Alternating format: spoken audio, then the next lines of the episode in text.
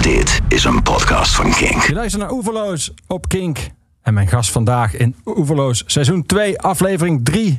Mede mogelijk gemaakt door de muziekgieterij in Maastricht is Alex Roeka. Alex, welkom in Oeverloos. Ja, We gaan eh, praten over en naar aanleiding van jouw nieuwe album, Rauwe Genade.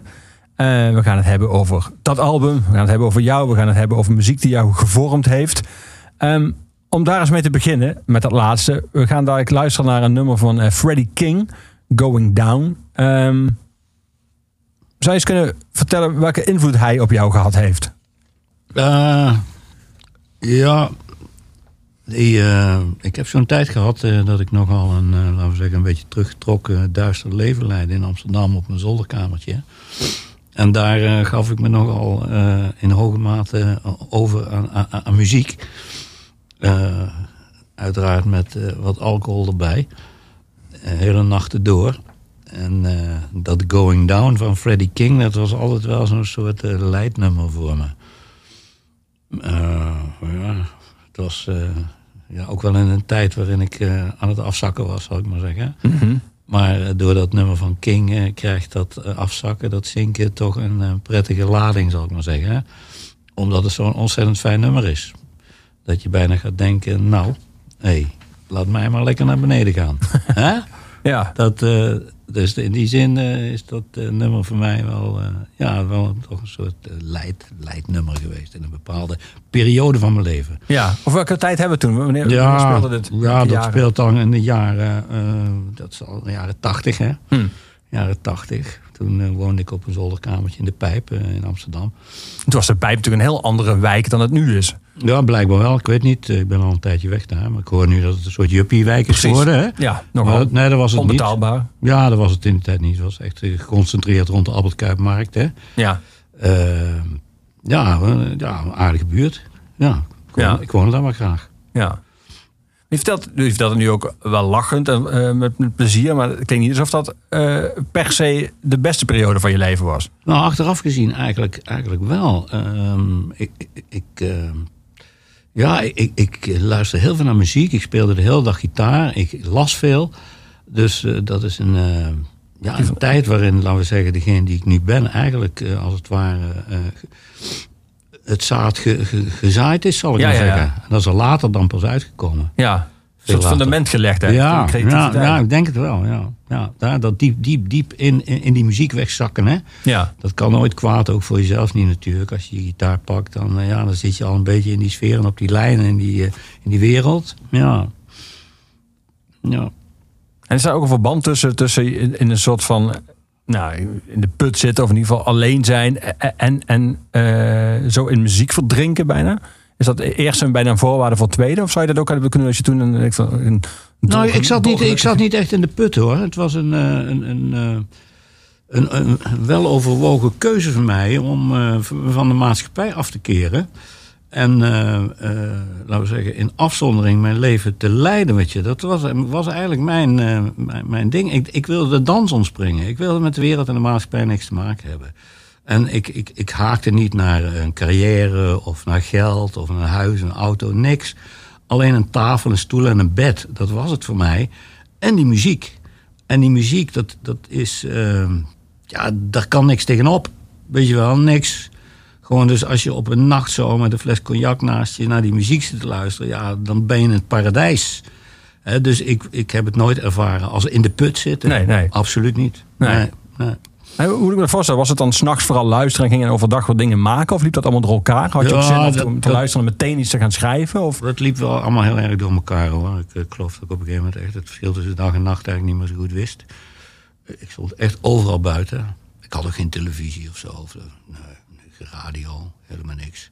Ja, ik wilde, me, ik wilde echt helemaal weg zijn, weet je wel. Ja, misschien is dat een beetje psychiatrisch of ziek, ik weet het niet. Maar dat, dat, dat, wilde, dat wilde ik. En ja, en dan, dat ging allemaal door elkaar heen. Hè. Je hebt je gitaar op, op, op schoot, je speelt wat, dan zet je weer een nummer op. eh, dan eh, neem je weer een glas. eh, je schrijft wat op. Zo, zo ging dat. Nooit gestructureerd of zo. Dat- Nee, nee. Wat dat betreft was het echt wel een zootje. Ja. Een beetje anarchistisch leven. Ja. Ja. ja Maar ook wel ken ik het, het, het bewijs dat je niet per se, in ieder geval niet eh, altijd andere mensen om je heen nodig hebt om, om, zeg maar, om, om je fijn te voelen, maar ook om creatief te zijn. Of, Nee. of zag je die muziek waar je naar luisterde, waren die muzikanten soort van jouw gezelschap? Ja, ja. Ja? Ja, ik heb sowieso niemand om me heen nodig om, om, om, om te kunnen schrijven. Liefst niet. Ik zit het liefst alleen op mijn kamer. En dan komen de dingen. Ik heb mijn gitaar, ik sla een paar akkoorden aan en ik begin wat te zingen. En, en, dan, dan, komt het. Dan moet vooral niemand mijn kamer binnenkomen, weet je wel. Nee, dat hoeft absoluut niet. Nee. Draai die onder mee, dat is die Going Down van Freddie King. Laten we daar eens naar gaan luisteren.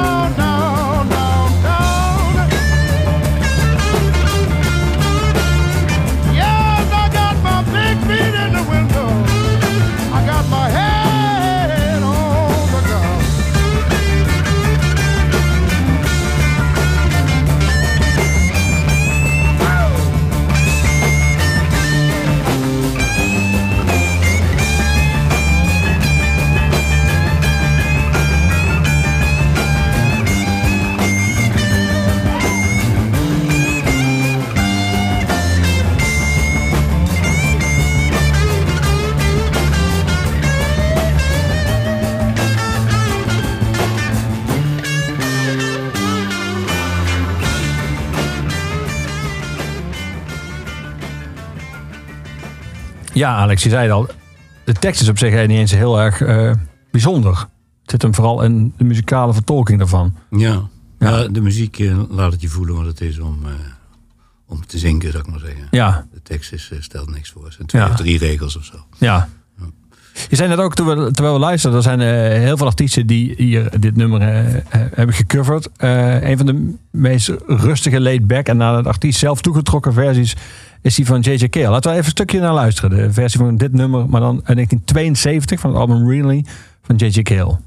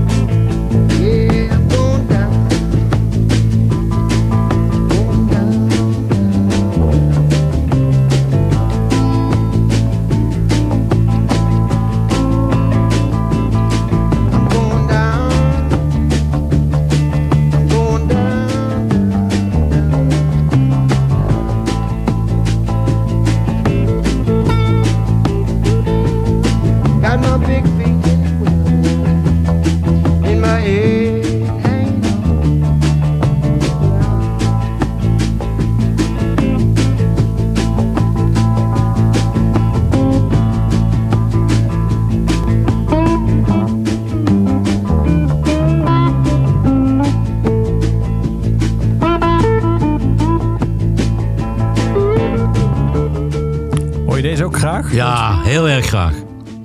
Ja, J.J. Cale is een favoriet van mij, hè. Ja. En eh, ja, deze is natuurlijk heel anders. Hè? Als, als Heel anders, Freddie King een, een schreeuw is, een kreet, weet je wel. Een, een soort, soort doodskreet bijna. Is dit eigenlijk een gebed. Hij, hij, hij fluistert als het ware. Ja, ja. hè, eh, ik, ik ga ten onder, weet je wel. Help me of zo. Mhm. Ja, fantastisch. Op twee verschillende manieren ditzelfde nummer eh, kun je horen, ja, wat je er met je persoonlijkheid eh, mee doet. Ja. De een dit, de ander dat. Mhm. Maar hier klopt het. ja. Allebei. Bewijst het ook dat... eh, jij bent een- iemand die duidelijk heel veel aandacht eh, schenkt aan zijn teksten. Eh, bedoel, jouw teksten zijn ook, ook verschenen, los van de muziek, gewoon als boekwerk. Eh, dat kan eigenlijk alleen maar als ze nou, zeg maar, poëtische waarde hebben en de overeind blijven op papier. Dat hoeft dus helemaal niet eigenlijk. Als je naar dit nummer luistert, eh dit zijn maar een paar regels, maar toch komt het, komt het over en komt het binnen. Ja.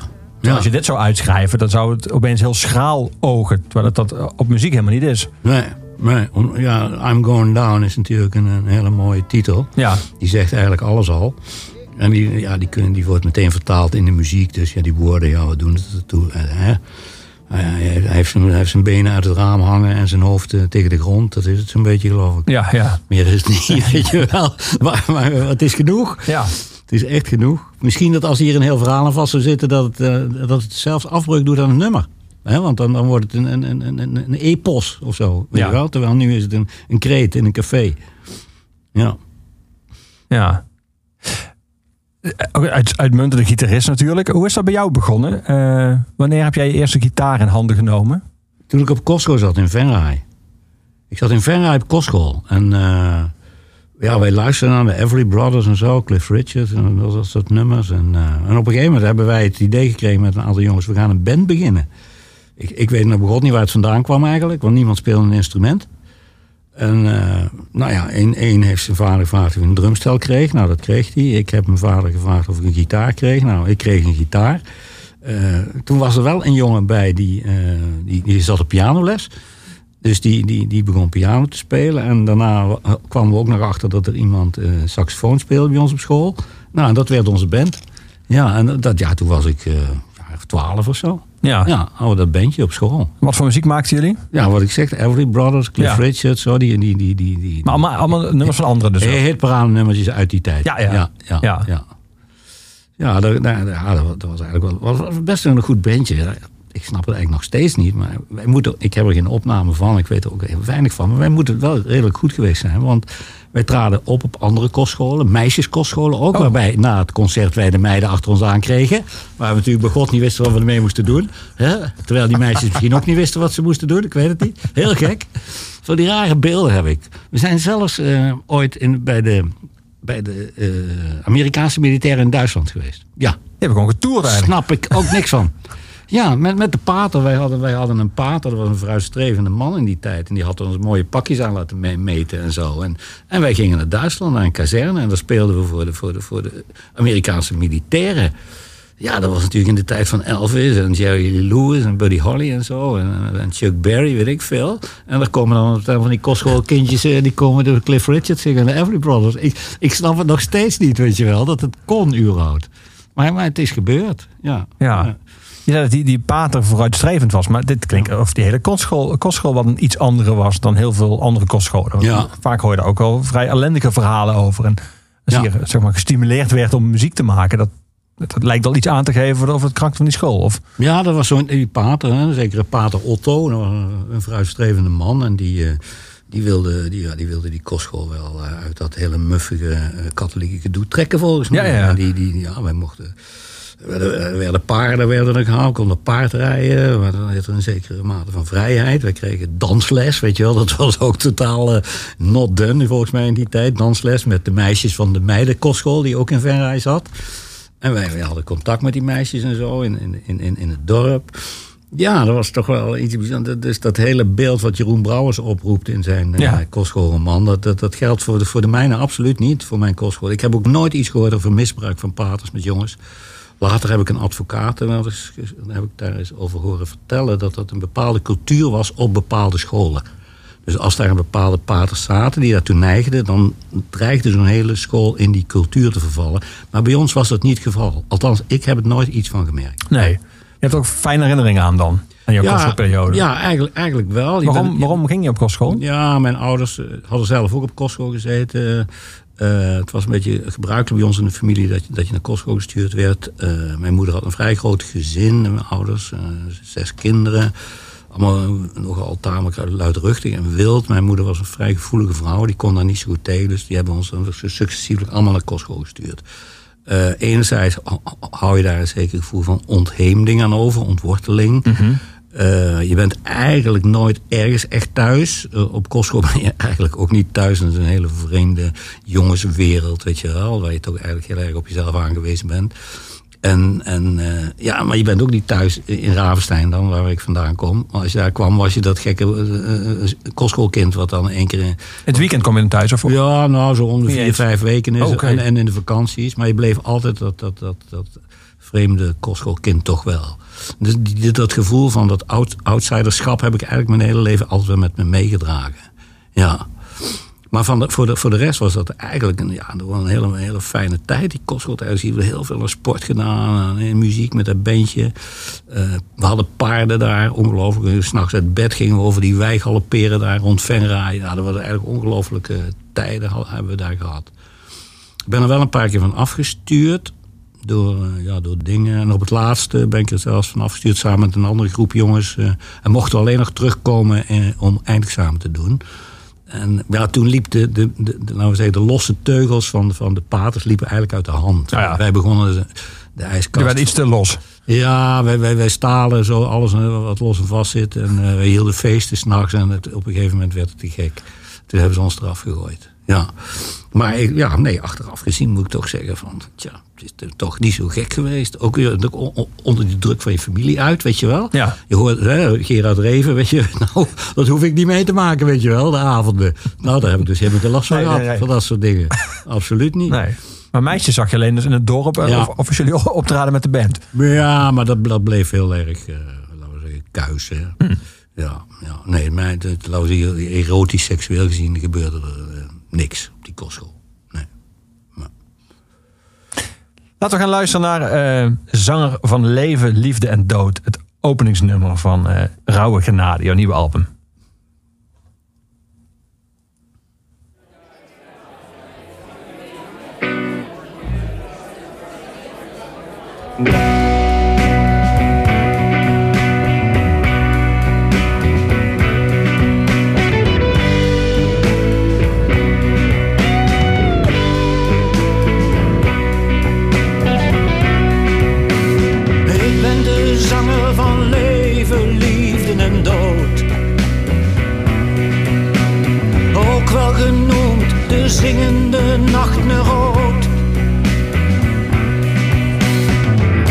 Laat de dansers sprongen maken door de krocht van vreugde. De kale knoken ritmisch kraken op het lied van lust en leugen. Oh, het schimmerspel. Het snel vaarwel. De kronkelwegen.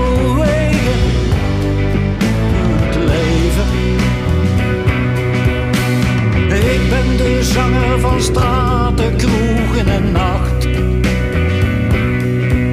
Een drie voor de liefde, maar voor het snoeven een acht. Ik laat de hongerige whisky drinken. De eenzame zwerven. De verliefde in het neon blinken. Hun naam in de pleder kerven. Oh, mooie meid. Rondrespijt. Die zoete ziekte. Oh, de liefde. Ik ben de zanger van golven, wolken en licht. Nog even en ze douwen me in het gesticht. Door de branding briezen, op losgesprongen benen. Een witte schepen het luchtruim kiezen, door een schele maan beschenen. Oh, het zwierend zwerk, een meesterwerk van stof en schroot.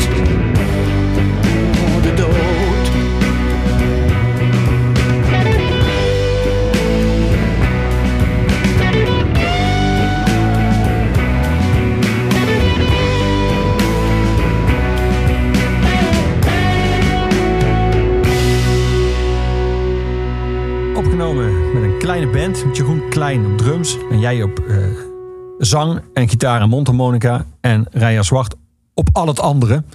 Ehm, hij is met, samen met Frans Hagenaars ook de, de producer van het album. Ehm, jij, jij schreef de muziek, hij schreef de arrangementen. Hoe, hoe werkt dat? Hoe werken jullie samen? Ja, ik ga in de studio zitten met mijn gitaar en ik, ik zing het liedje. Punt. Ondertussen zit, ja, ja, ja, ja, echt punt, ja. Ja. Ondertussen zitten zij te luisteren, Frans en Rijer. Eh, Jeroen is er dan nog niet bij. En dan, eh, ja, dan krijgen ze eigenlijk meteen al ideeën van hoe, hoe het nummer moet gaan, gaan, gaan, worden, gaan klinken. En uh, nou speel ik hem nog eens een keer. En, en dan, dan, speelt hij wat, wat bij Rijer. Nou, zo langzaam hebben we dan een soort demo opgenomen. En dan begint, dat, beginnen ze dat uit te werken. En eh, ja, dan komt er van alles bij. De elektrische gitaar en nog een elektrische gitaar. En, eh, en, en eh, ja, de- nog een bas. Die bas is overigens, die valt me nu op. Een ontzettend lekker vette, ronde bas. Ja, Rijer is wat dat betreft een magier. Gewoon Rijer Zwart, weet je. Hij speelde alle instrumenten. Hij kan zo'n hele cd maken. Bijna. Ja. bijna. Nou ja, sowieso al demo-achtig ontstaat dan eh, zo'n nummer. En dan valt er wel weer wat weg. Of we krijgen weer een nieuw idee wat we toe moeten voegen. En dan komt Jeroen en die, die, die begint erop te drummen. En ja, dan op een gegeven moment is het klaar. zo, eenvoudig, zo eenvoudig is het. Ja, en dat allemaal in SSE Noord, een studie in Amsterdam. Ja, Eh, fijne studio? ja, ja, ja het is wel een fijn. Ja, het is een beetje een raar. Eigenlijk een hoor- oud woonhuis. Ik hoor ergens een aarzeling. Ja, het, het is niet wat je voorstelt van een, van een gezellige eh, studio of zo. Dat is het niet. Het is, beneden is de, de, de huiskamer van het, van het oude woonhuis, zou ik maar zeggen. daar, daar, is de op, daar is de speelruimte gemaakt. Ze hebben, en Frans zelf zit boven in een, in een vrij eh koele ruimte. Er hangt geen schilderij aan de muur van, eh, van Mick Jagger of zo, weet je wel. Of, of- nee, absoluut niet. Zelfs Faber Abraham heb ik er niet zien hangen. Nee, het is, het is een, eh, een vrij coole, eh clean ruimte. Ja, ja. ja. Maar blijkbaar eh, kunnen we daar toch een goede plaat maken. Ja. Weet je wel? Ja. En hoe is de afbakening? Rijer is dan samen met Frans Hagenaars de, de producent. Hij maakt ook de arrangementen nadat jij zeg maar, in eerste instantie hebt laten horen wat, wat de basis van het nummer is. Maar ik kan me voorstellen dat af en toe dan de vraag is van hoe- hoeveel mag erbij en wat mag erbij? En wie, heeft dan een soort laatste oordeel? Is dat de, de, de Eh, schrijver of de producent? Ik krijg de indruk dat het laatste oordeel bij die twee ligt. Ja. Op een gegeven moment zitten zij, dan hebben ze een beetje een soort demo opgenomen. Dan zitten zij bij die tafel. En ik zit dan een beetje achteraf aan de, aan de, aan de, tafel, aan de eettafel, zal ik maar zeggen. En, en zij gaan met dat nummer aan de haal. En ik heb eigenlijk niks te zeggen. Nee, eigenlijk niet. Ze horen wel wat ik zeg als ik wat zeg. Maar er wordt nauwelijks acht opgeslagen. Alleen als ik aanzet, weet je wel, ik sta op van mijn tafel en ik loop naar ze toe en ik zeg, wacht eens, moeten we hier niet... Dan kijken ze en dan lijkt het wel alsof ze zich verbazen dat ik ook in de studio ben, weet je wel. En dan, dan gaan ze daar soms wel op in. Maar eh, nee, zij, zij gaan echt met het nummer aan de haal. Maar het is wel zo, als ik echt iets hoor van ik denk, nee, dit kan niet, dan, dan gebeurt het ook niet hoor. Oké, dan Dus moet je ik- wel ik- even ik- opstaan. van Ja, ik heb wel het principe. Ik, heb zo, ik heb zoveel vertrouwen in die twee. Ja. Ik laat ze gaan. En zo'n gast als Rijer Zwart, die moet je laten gaan. Eh, weet je wel, want die kan zoveel. Je moet- ik- ik geef ze de vrije je teugen, want ik weet dat, het- dat, dat het goed komt. Ja, ja. Ja, zo, zo zit het wel. Je was ook het team zeg maar, van je vorige album. Dus ik kan me voorstellen Ja. dat je even ook dan weet van. En het Ja. album is heel goed eh, gevallen, heel goed ontvangen. Ja, Eh, dat je daar ook dat er wel een soort vertrouwensbasis ja geeft. zo langzamerhand zijn, zijn we echt wel een soort team geworden. Ja, we weten precies wat we aan elkaar hebben. En, eh, we voelen elkaar, en die twee voelen elkaar heel goed aan. Dat is echt een duo, Frans en Rijer. Die, ja, die, die, die, die, dat is een, eh, ja, een producers duo, hè? Zoals je die in het verleden erg wel meer hebt gehad. Zo, van die gasten die met elkaar, eh, de ene muzikant, de andere technicus. En, maar ja, Frans is natuurlijk ook wel heel mu- muzikaal, weet je wel. Die kent veel muziek, die weet ook wel alles nog wat. Ja, die twee die voelen elkaar. Rijer is een, een, een ontvankelijke iemand. Geen, geen haantje of zo. Die erop staat dat dit moet. Ik wil laten zien dat, weet je wel. Nee, helemaal niet. Het is heel bescheiden. En, en daardoor ja, loopt het gewoon als een trein, zou ik maar zeggen, in de studio. Ja, Ja. ja. Hij gebruikt ook samples bijvoorbeeld. Wa- Was je daar meteen voor? Of, of, of moet je Ja, daaraan wennen? Ja, ik schrok, ik schrok er eh, aanvankelijk wel van. Maar eh, nee, dan op een gegeven moment, ja. Ik, ik ben vrij beïnvloedbaar. Ik ben vrij gemakkelijk te, te overtuigen van dingen. Weet je, ik, ik weet niet of dat een kracht of een zwakte is, maar eh, als zij iets willen en ik hoor in eerste instantie, nou nee, nee, dat, dat wil ik niet, weet je wel. En dan beginnen ze te lullen en dan laten ze, voor, en dan laten ze voorbeelden zien of Ja, ja. horen. En dan, en dan denk ik, ja, verrek, verrek, ja. ja Voorbeelden van dat nummer van jou met dat erbij? Of voorbeelden van anderen waar dat heeft goed heeft uitgepakt? Eh, ja, meestal, ja, ja, een soort- referentie. nou. Ja, precies, oké, ja, moet je eens naar dit luisteren, er gebeurt dit. Vind, vind je dat niks of zo, weet je wel? Ja. ja. Ja. Dus ja, dat is een, dat is een hele fijne, eh, inspirerende manier van werken. En achteraf, ik, ik had er graag een vrouwenkoortje bij gehad, zo op de plaat, zo her en der, weet je wel. Ik ben een beetje, eh, ik hou niet zo van mijn stem. Dat is, vind ik een beetje moeilijk. Nederlandstalig vind ik ook moeilijk. Ik heb hier bij die zes nummers ook niks Nederlandstaligs bij zitten. Nee. Dat is voor mij, ik weet niet. Misschien omdat ik in die tijd eigenlijk nooit naar Nederlandstalige muziek heb geluisterd. Eh, ik, ik, jouw eigen muzikale referenties zijn niet Nederlandstalig? Nee, Nee. nee. eigenlijk niet. Nee. Ja, hoogstens Ramses Shaffi of zo. Maar, maar voor dat, nee, nee, echt niet. Nee, het is, het is vooral Brel en, eh, en Dylan en, eh, en eh, J.J. Cale, sommige nummers. Ja, dat zijn, dat zijn, dat zijn mijn mensen. Ja, ja. Ja, maar het grappige is, in heel Ja, veel ja. pop-autobiografieën eh, van Ja. zangers. eh, Ik las laatst nog die van eh Flea van de Red Hot Chili Peppers. En van Elton John, die trouwens fantastisch is. Ja. lees ik dat zij allemaal... eh, en Flea is dan niet de zanger, maar hij heeft ook een plaat gemaakt met zang. Maar die heeft hij bijvoorbeeld nooit uitgebracht, omdat hij moeite heeft met zijn stem. En zelfs Elton John, toch wel een genadig zanger eh, volgens mij... die, die schrijft eh, in, die, in het begin dat hij heel lang aan zijn eigen stem moest wennen. En dat hij Ja. soort van... ja. Ik denk dat heel veel zangers Ja. zichzelf niet zanger vinden. Of niet de Blijk- ideale blijkbaar, zanger. blijkbaar. Ja, wat het is, ik weet het ook niet. Het is heel moeilijk, om- confronterend om jezelf te horen. Het klinkt, klinkt, ja, klinkt, klinkt, klinkt niet lekker of zo, ik weet niet. Maar anderen hebben daar blijkbaar geen last van. Maar ik, eh, daar, daar had ik het net over. Om mijn stem te verbergen, dacht ik, we moeten er een vrouw bij nemen. Gewoon. Een, vrouwenkoortje, weet je wel, wat lekker zo erachter hangt. Eh, En ik, dat wilde ik per se, weet je. Dat was niet uit mijn kop te krijgen. Je. En die twee, die verrekken dat gewoon, hè. Die willen dat niet. Nee, er komt hier geen vrouw in de studio. Niet vanwege de vrouw, maar vanwege... ze vonden het niet nodig, weet je wel. Bij mijn, eh, bij, op mijn plaat een vrouwenkoortje. En achteraf gezien denk ik, ja, ze hebben gelijk. Daar had ik geen vrouwenkoortje bij gemoeten. Dan was het te, te kitscherig geworden. Of te, te, te veel country. Of te veel, eh, te glad. Ja, ja. Dat, is, dat is gewoon een hele goede beslissing. Die, die, dat zij dan op een gegeven moment gewoon geen acht op mij staan. Nee. slaan. Zij weten wel waar ze mee bezig zijn.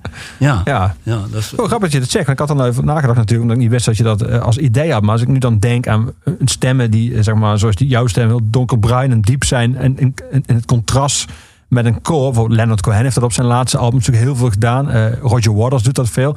En Meijner Talma, die laatst nog als de gast heeft op zijn laatste plaat ook gedaan. Het werkt vaak wel eh, tof, vind ik. Zodat, vooral als de- stem van de zanger dieper en donkerder is en dan zo'n koor erbij. Het krijgt wel. Ja, ja, dat dacht ik ook. Maar het kan wel. eh, snap Ja. wel dat je zegt dat het kitsch kan worden. Ja, in, in dit geval denk ik wel. Zo, dat nummer Laatste Tocht is eigenlijk een beetje een country nummer... waarvan ik dacht, dat zou mooi zijn. Maar, maar dan wordt het ook echt zo'n eh, cliché country nummer. En dat moet het dus niet zijn. Nee. Hè? Dus ja, dus nee, ik denk dat ze gelijk hebben. Maar ja, inderdaad, bij Cohen werkt het. Maar Cohen heeft misschien met hetzelfde gezeten. Want hij is op een gegeven moment... Trouwens, op zijn eerste plaat, op Suzanne... Ja, zit al. Ja, een, ook, een ja. vrouwenstem. Hè? Die had blijkbaar ook niet zoveel vertrouwen in zijn eigen stem. Die wil dan, denk ik, laat, die- er maar een goed zingende dame bij komen. Dan valt dat voor mij niet zo op, weet je Ja, wel. ja. Ja, ja, dat is een gek fenomeen eigenlijk. Ja. We gaan een andere man luisteren met een eh, diepe, zware en uit Duitsland herkenbare stem. We gaan luisteren naar Lou Reed van het eh, album New York uit 1989. Dirty Boulevard. Eh, is hij van invloed op jou geweest, Lou Reed, al die jaren? Ja, ja, zeker wel. Ja, Lou- Lou Reed, ehm, ja, ten eerste had hij ook de potentie om een dichter te zijn. Hè? Ja. Eh, En hij, hij zit natuurlijk op de Velvet Underground al eh, aan, aan, aan, aan de schaduwkant van het bestaan. Nogal, ja. Die mij altijd wel heel erg heeft, heeft aangetrokken en, en geïnspireerd. Ja, Lou Reed is wel zo'n mannetje wat erbij hoort, ja. Zeker. Maar je hem altijd blijven volgen. Dus ook na Velvet Underground kennelijk ook. Want dit is Ja. van New York. Maar ook, Ja. ook in zijn latere jaren nog. Nou, eigenlijk niet meer zo. Hm. Nee, nee, nee. Zo die, die New York en eh, ja, Transformer natuurlijk. Ja.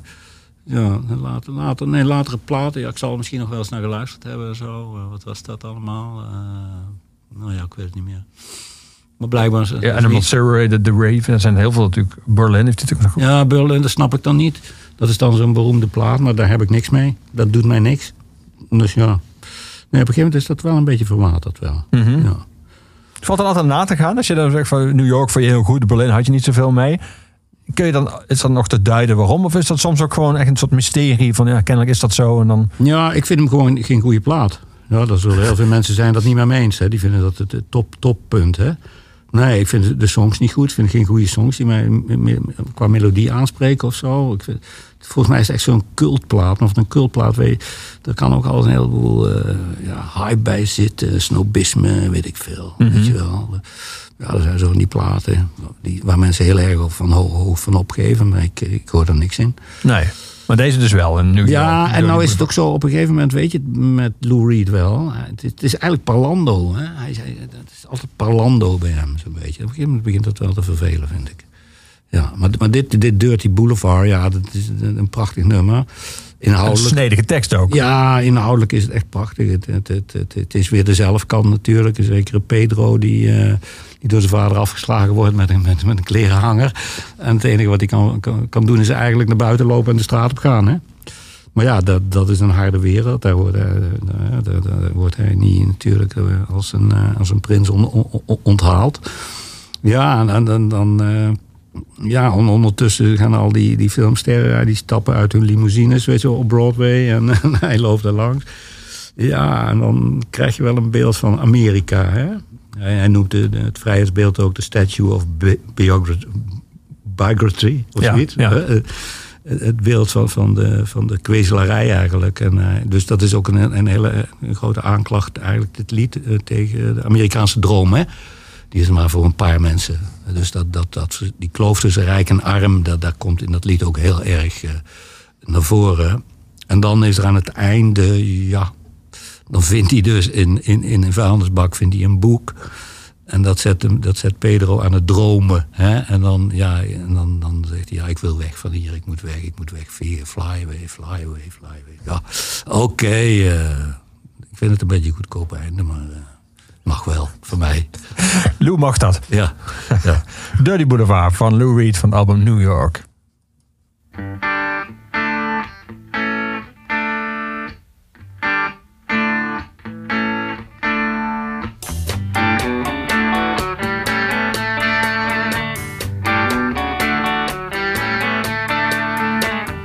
Lives out of the Wilshire Hotel.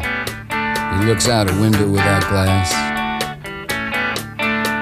The walls are made of cardboard. Newspapers on his feet, and his father beats him because he's too tired to beg. He's got nine brothers and sisters. They're brought up on their knees. It's hard to run when a coat hanger beats you on the thighs. Pedro dreams of being older and killing the old man, but that's a slim chance. He's going to the boulevard. He's gonna end up on the dirty boulevard. He's going out to the dirty boulevard. He's going down to the dirty boulevard.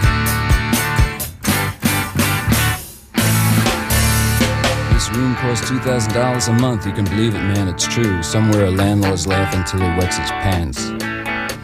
No one dreams of being a doctor or a lawyer or anything. They dream of dealing on the dirty boulevard.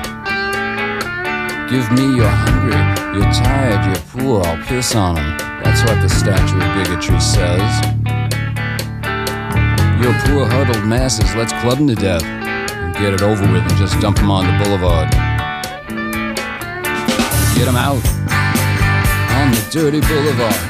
Going out to the dirty boulevard. They're going down on the dirty boulevard. Going out Outside, it's a bright night. There's an opera at Lincoln Center. Movie stars arrive by limousine. The Klieg shoot up over the skyline of Manhattan, but the lights are out on the mean streets. A small kid stands by the Lincoln Tunnel. He's selling plastic roses for a buck. The traffic's backed up to 39th Street. The TV whores are calling the cops out for a suck. Back at the wheelchair, Pedro sits there dreaming. He's found a book on magic in a garbage can. He looks at the pictures and stares up at the cracked ceiling. At the count of three, he says, I hope I can disappear and fly, fly away from this dirty boulevard. I want to fly from the dirty boulevard. I want to fly from the dirty boulevard. I want to fly, fly, fly, fly the boulevard. I want to fly away. I want to fly, fly, fly away. I want to fly, fly, fly away.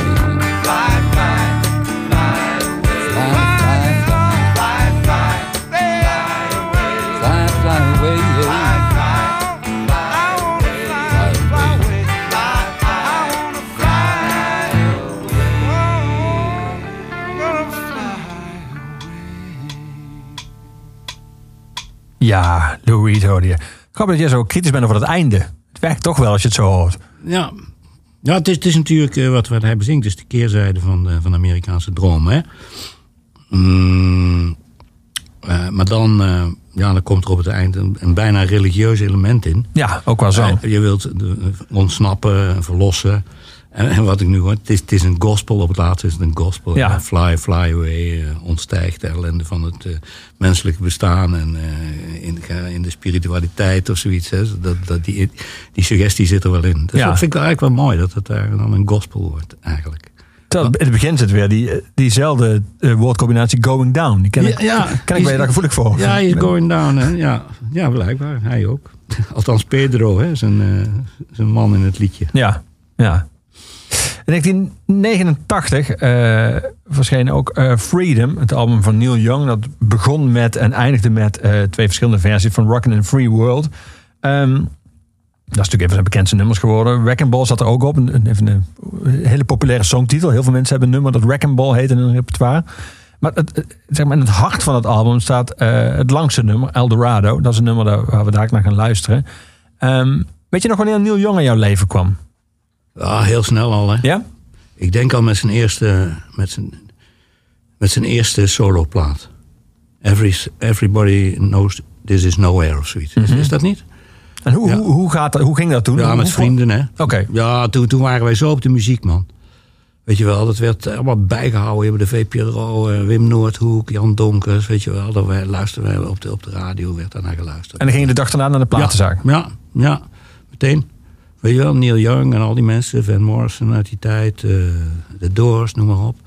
Ik herinner me nog dat ik, eh, dat ik op een gegeven moment. eh, wat was dat nou toch?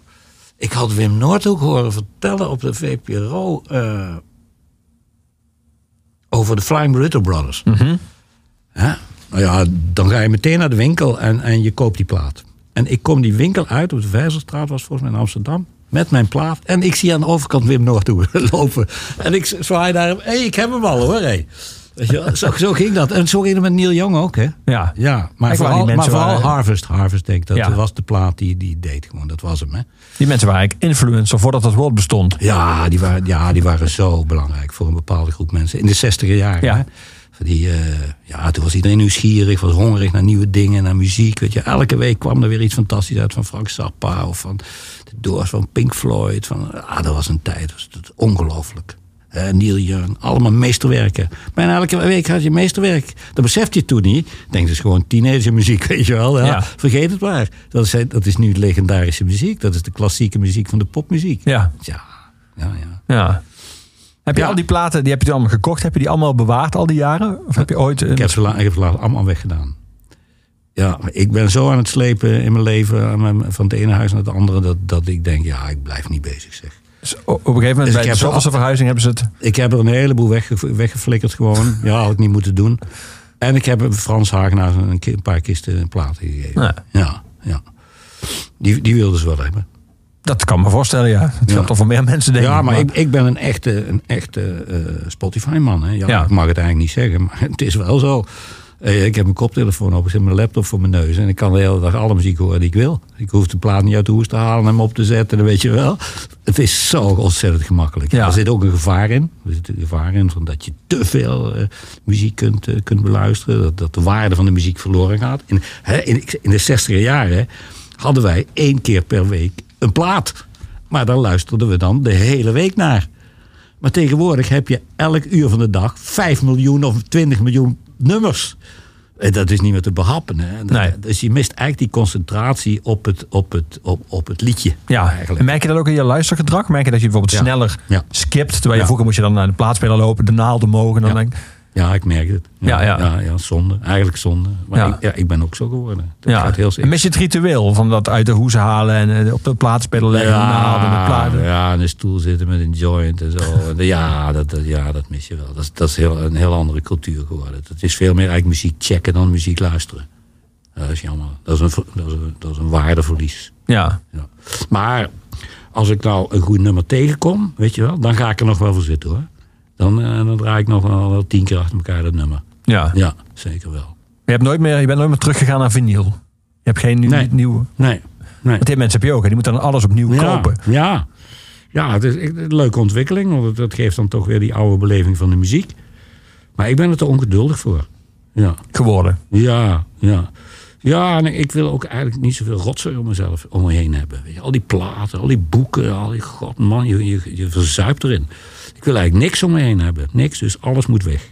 Je? Alleen mijn laptop. Ja, tegenovergesteld. Je hebt vroeger mannen, sommige mannen heten dan hoarders. Dat zijn vooral mannen die alles bewaren. Ja. hebben dan een huis Ja. onbe- onbewoonbaar of onbegaanbaar door alle spullen. Maar je hebt het eigenlijk tegenovergestelde. Ja, ik wil mijn eh, nabestaan ook niet opzadelen met al die troep. Weet je? Die moeten het huis leeghalen, al die rommel, wat moeten ze ermee? Nou, dan gooi ik het liever zelf weg of geef ik het af aan mensen. Ja. Weet je wel? Ja. Dat nummer Eldorado. Eh, waarom dit nummer? Uit dat rijke, rijke oeuvre van Neil Young. ja. Kijk, ik, ik zie nu ook wel een beetje een, eh, een verhaal in, in die zes nummers. Hè? Het begint met Going Down, weet je wel. We gaan, we gaan naar beneden, we gaan, we gaan de zelfkant in, de, de schaduwwereld. Hè? Nou ja, dat was eh, Lou Reed ook. Hè? En dan op het laatst zegt die jongen Fly, Fly Away. En dan droomt hij van Eldorado. ja, hij droomt van Eldorado. Hè, van het land van voorspoed en geluk en liefde, noem maar op. Weet je, maar dan komt Neil. Die komt even vertellen, hij is er geweest. Hij, is in Eldorado geweest, wat hij daar gezien heeft. Dat, bestaat dus niet. Dat paradijs bestaat niet. En dat, dat is het mooie van dat nummer Eldorado. Eh, er zit zo'n dreiging in dat nummer. Hè? Dat is een hete nacht in Zuid-Amerika waar bendes rondsluipen en waar allerlei corrupte figuren bezig zijn. En, eh, ja, die hele dreiging zit, zit, zit, zit zo fantastisch in, in, in, in, in- ja, een nummer. Dat heeft een sfeer. En vooral door de muziek, hè? Want, want wat hij, die tekst is eigenlijk ook niet zo heel veel. Het zijn maar gewoon een paar beelden, weet je wel. Stierenvechten, van, mensen die zitten te gokken aan een tafel. Eh, ergens wordt iemand doodgeschoten. Ja, gewoon meer is het niet. Eh, ja, en, en toch, het roept zoveel op. Door die gitaar, hè. En, door die, die, die, ratelslang. Je, voelt die dreiging van de woestijn. En van, van moord en doodslag, van bedrog. eh, en tegelijkertijd van, van, van, van, de, van de mensen die hunkeren naar, eh, naar opwinding, naar, naar, naar, sensatie, naar, naar seks, weet je wel. Ja, dat voel je. Hè? De crowd, de, crowd is screaming, geloof ik. Als de stier naar buiten holt. Zo. Ja. Nou, dat is ook knap natuurlijk van, van Neil Young. Die, die zet zo wat beelden naar elkaar, naar Ja. elkaar. En dat is genoeg. Ja, dat is ook weer genoeg. Ja. Dat is ook weer genoeg. Ja, de muziek doet het. Eldorado, ja.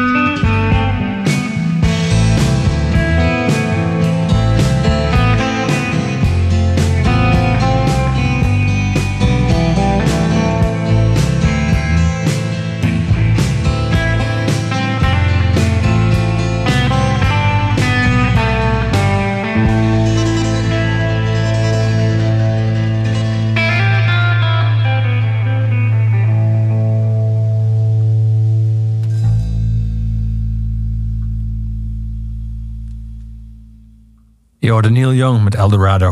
En tegenover mij zit hier in de studio van Kink Alex Roeka. De afgelopen zes minuten ademloos te genieten. Nog een keer van Neil Young. Poeh. Ja, nou en of zeg. Je bent een koptelefoon luisteraar volgens mij, of niet? Ja, ja alles met de koptelefoon. Ja, ja. Ja, is zo, ja. Ja, en nu valt me ook weer op hè, hoe, die fantastische sound van die gitaar hè, van Neil Young. Hè. Dat is op, op, op YouTube kun je zo'n filmpje zien waar hij door zijn schuur loopt. Ik weet niet, ken je dat? Nee? En dan gaat hij langs al zijn versterkers. Dat is een hele schuur vol met versterkers, maar de gekste versterkers zitten daarbij. En eh, die is dus heel erg bezig met zijn geluid. Hè? Nou ja, dat hoor je wel hier aan die, die, eh, die, die solo-gitaar, die elektrische gitaar. Die heeft zo'n mooie sound. Het is zo helemaal op dat nummer afgestemd. Ja, Wonderbaarlijk mooi. ik las wel zijn eh, autobiografie ooit. En daar kwam die echt zelfs behoorlijk audiofiel over. Het is bij hem echt een Oh. soort van... als het niet precies klinkt zoals... dan kan hij ook afknappen op muziek. En Ah, dus hij vindt het extreem belangrijk. dat zal wel, dat zal ja, nou, dat hoor je wel. Ja. Alhoewel het soms ook heel slordig is, hè? Ja. En heel, eh, maar ja, dat, dat, dat wil hij dan blijkbaar ook. De Ja, dat- spontaniteit en, eh, en het, het moment of zo. Ja, dat, dat heeft hij ook heel erg. En dan hoor je ook fouten bij hem. En, eh, maar dat maakt blijkbaar niet veel uit. Is hij ook iemand... hij komt natuurlijk laatst in een Ziggo geweest. Is er iemand die, die jij ook nog live ziet? Of niet? Dat is een punt een beetje. Ik ga nooit naar live concerten. Nee. Ik vind dat op een of andere manier vervelend. Om tussen zo'n massa mensen te staan. Gelukkig eh, denkt jouw publiek er anders over. En, ja.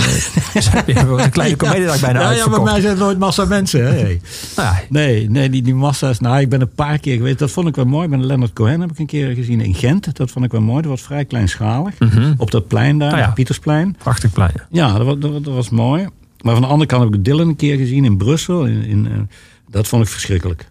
Dat is zo'n betonnen... De, De Fox Nationaal. ja, voor Nationaal. Schrikkelijke zaal. Ja. Vreselijke dingen, betonnen eh, slachtruimte bijna, zo erg. En er zat nog helemaal bovenin. En dan stond hij daar te blaren op het podium. Nou, nee, ik, het was zo'n afknapper. Nee, ik hoef die, die, die, ik hoef die dingen niet te horen, die, eh, die, die live concerten. Nee, ik, ik ben Nou ja, zo te horen ben je vrij gevoelig voor de locatie. heel, heel, sorry? Ik het horen ben je vooral gevoelig voor de locatie. Zoals als een heel jongen in carré zou spelen of zo. Dan, Ja, misschien wel. Misschien wel, ja. Ja, ja. ja, ik, heb, ik, ja ik heb natuurlijk wel, eh, ik heb natuurlijk wel eh, concerten gezien. Hè. Ik heb het legendarische concert gezien van J.J. Kill in, eh, in Carré. Ja, dat, was, dat, dat, dat, begreep, dat begreep ik dus niet. Hè. Hij, dat podium was in duister gehuld. En op een gegeven moment hoorde je wat, wel nummers. Die leken ook wel een beetje op wat we gehoord hadden van Naturally. En eh, misschien Really ook, dat weet ik niet. En eh, na een uur was het afgelopen. En, en niemand heeft de man gezien. Hij stond gewoon achter zijn versterker uit, verlegenheid of, of uit weet ik wat. Het is ja, een hele bescheiden man. Ik denk niet dat het een soort act van hem was. Hij, hij, hij, hij- hij- hij- nou ja, dat is ook wel in, la- in zijn leven gebleken gewoon. Hij is geen man van, eh, die zo nodig prins uit moet hangen of iets. Hij wil heel bescheiden, teruggetrokken zijn liedjes, liedjes zingen. En, eh, dus ja, we hebben eigenlijk alleen dat bandje gezien van hem. Die, waren- daar stond een heel klein beetje licht op. Zo, die zaten dan op stoelen. En hij eh, heeft blijkbaar de hele voorstelling achter zijn grote versterker gestaan. En, ik, en, en men was verbijsterd.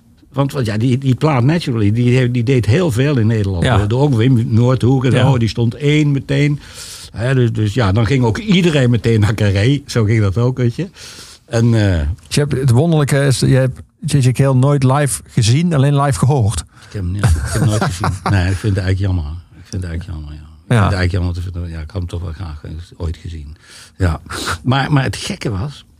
Dus na afloop van dat concert in Carré... liep iedereen verdwaasd en verbijsterd en geschokt eh, naar buiten. En ik herinner me dat er één vent was... die riep daar op de gracht in één keer de, de meute toe... Dit is precies wat hij is! Dat herinner ik me nog zo goed. Dus er was één man die begrepen had waarom hij dat deed. Snap je? En, en hij, die jongen heeft gelijk gehad. Want het is altijd die bescheiden man gebleven. Ja. En daardoor misschien die fantastische eh, gitarist en, en liedjeschrijver en muzikant. Ja. We hadden het net over eh, toen je vertelde hoe je in de pijp eh, op een kamer zat en eh, alleen naar muziek luisterde en muziek maakte en voor de rest even de wereld, de wereld liet. Ehm, je hebt ooit een nummer geschreven over televisie, dat je dat vieze lijpe kastje noemde. Oh, ja. Dus de, de, de, de talkshow-oorlog en de vraag wie de nieuwe mol is en wie de nieuwe quiz A of spelletjesprogramma B presenteert, die zullen, schat ik zo, allemaal aan jou voorbij gaan. Ja. Ja, ja, ja, ja. Maar toch, in, in jouw nieuwe nummer, De Wereld op Drift, komt wel Barbie langs, die naar de afkik is gevlogen. En dat model, met dat rare verhaal van die model, die Ivana, die Nederlandse model, dat toen onder zeer mysterieuze omstandigheden opeens dood was, van een balkon af viel of werd gegooid. Dus kennelijk komt via andere wegen, komt de wereld, eh, zeg maar, het nieuws van de wereld wel bij jou binnen en dan ook daarmee je teksten in en daarmee ook je muziek in. Maar niet Eh, via televisie. Ja, nou ja, eh, ik, ik heb eh, de afgelopen jaren, eh, of nou, een jaar geleden eigenlijk, eh, drie jaar, drie jaar, geleden, drie jaar in, in, in, in Zeeland gewoond, in een dorp. En daar was een, een bakker. En die vertelde mij elke keer als ik een brood kwam halen wat hij gelezen had in, de- in, in de sensatiebladen. Dus ik kreeg al die verhalen te horen van Barbie. Je, heb je het al gehoord? Barbie is weer naar Schotland naar een afkeerkliniek. Oh zo. ja. En, en dan die Ivana, weet je wel. Wat is dat nou toch weer, die Ivana die daar in, in Kuala Lumpur van het balkon geflikkerd is? Snap jij dat nou, Alex? Nee, ik snap ook geen flikker van.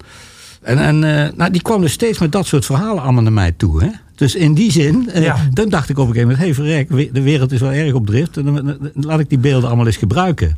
En eh, nou ja, zo heb ik er zelf ook nog bepaalde visies op de maatschappij inge- ingegooid. Weet Ja. je wel, het individualisme Ja. en, en, eh, en, en, en de migratie. En, en zo alles bij elkaar is dat dan een, ja, een, een soort, moet ik zeggen, een soort protestnummer geworden of zo. Tegen, tegen de tijdgeest en tegen de wereld waarin ik dan blijkbaar toch ook wel leef. Je ontsnapt er blijkbaar niet aan als je 's morgens naar de bakker gaat om een brood, Nee. een brood te halen. Daar woon je nu niet meer. Nee. Mis je nog wel eens die dagelijkse nieuwsupdate van je bakker? Nou, ik, ik mis Zeeland wel. Ja? Ja, dat is wel mooi daar hoor. Dat is wel heel veel ruimte. Stilte en water en dijken. En, Ja. en wind en zo, weet je wel. Zeeuwse wind heb ik ook een lied. Ja, dat is het tweede nummer op het album. Ja. Ja, ja, ja. Dus het heeft je wel beïnvloed. Ja, zeker. Ja. Ja, mijn hele programma staat eigenlijk in de dienst. Mijn theaterprogramma dan, hè, de verhaal tussendoor, staat, staat echt wel een beetje in het, eh, in, in het kader van, van mijn verblijf in Zeeland. Ja. Die tour begint binnenkort. 9 februari is Nee, de die is al lang première. bezig. Ja, maar nee, nee, nee. De première is 9 februari en dan begint hij officieel. Ja, oké. ja, ja, maar dan hebben we de helft al gehad. En zo gaat dat hè, met, met theatertours. Ja, Eh, ja, ja, ja, ja. Je speelde ook in Maastricht iets daarvoor. Daarna speel je nog in Groningen, Nijmegen, Den Bosch, Assen, Amersfoort, Almelo. Eh, en nog veel andere steden. AlexRoeka.nl staan alle data. Eh, laten we gaan luisteren naar het nummer eh, dat de bakker uiteindelijk jou opleverde met, met zijn verhalen over de wereld. Hier is van het album Rauwe Genade Wereld op Drift.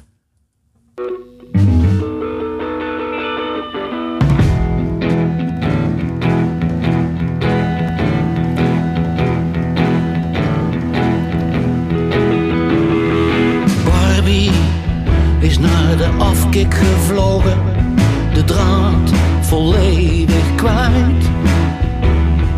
Gek gemaakt door een stel graaiers uit de poel van de onsmakelijkheid. Ivana zocht in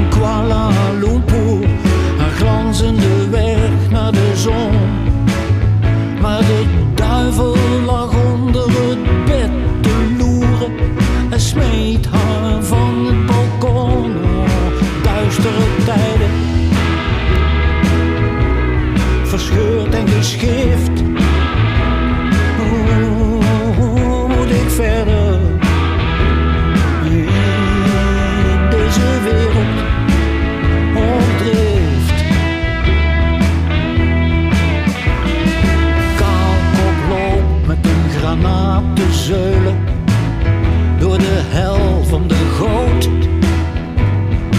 Wie niet voor de hufters wil wijken, speelt met de dood.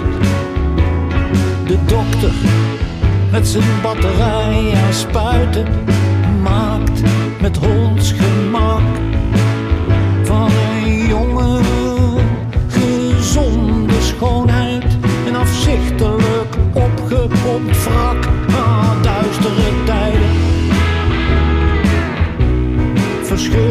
Verscheurd en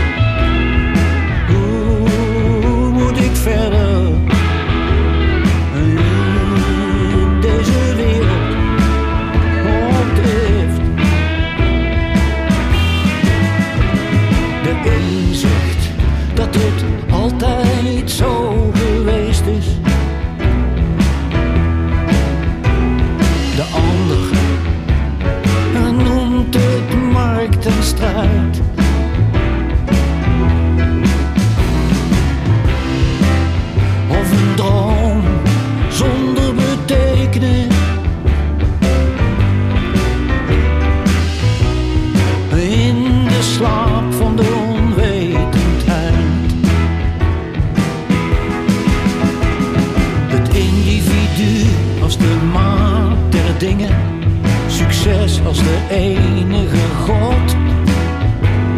Het doen alsof als een manier van leven.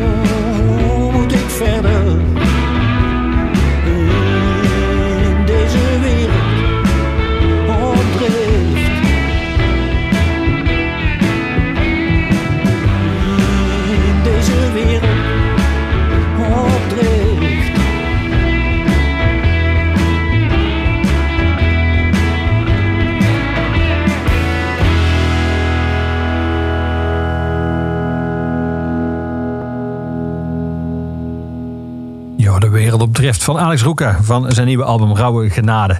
De tour begint dus officieel op 9 februari. eh, maar is officieuzer begonnen. Maar dat zijn eigenlijk allemaal officieel dan try-outs.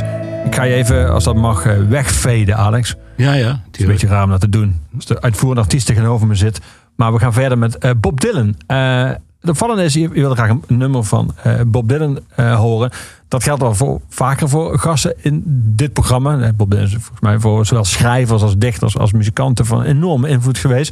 Maar ik heb eigenlijk nog nooit dit album zien langskomen. Planet Waves in 1974. Ehm, hoe kom je bij dit album terecht? Ja, ik heb het altijd een hartstikke goed, een goede, goede, goede plaat gevonden. Ken ik geldt het niet als, in ieder geval veel mensen, Nee. als een van zijn grote klassiekers. Nee, nee, nee. En toch, en toch weet je, het is, een, eh, is met de band opgenomen. Hè? Ja, Hij had al die fantastische nummers opgenomen van de, van de Basement Tapes. Hè?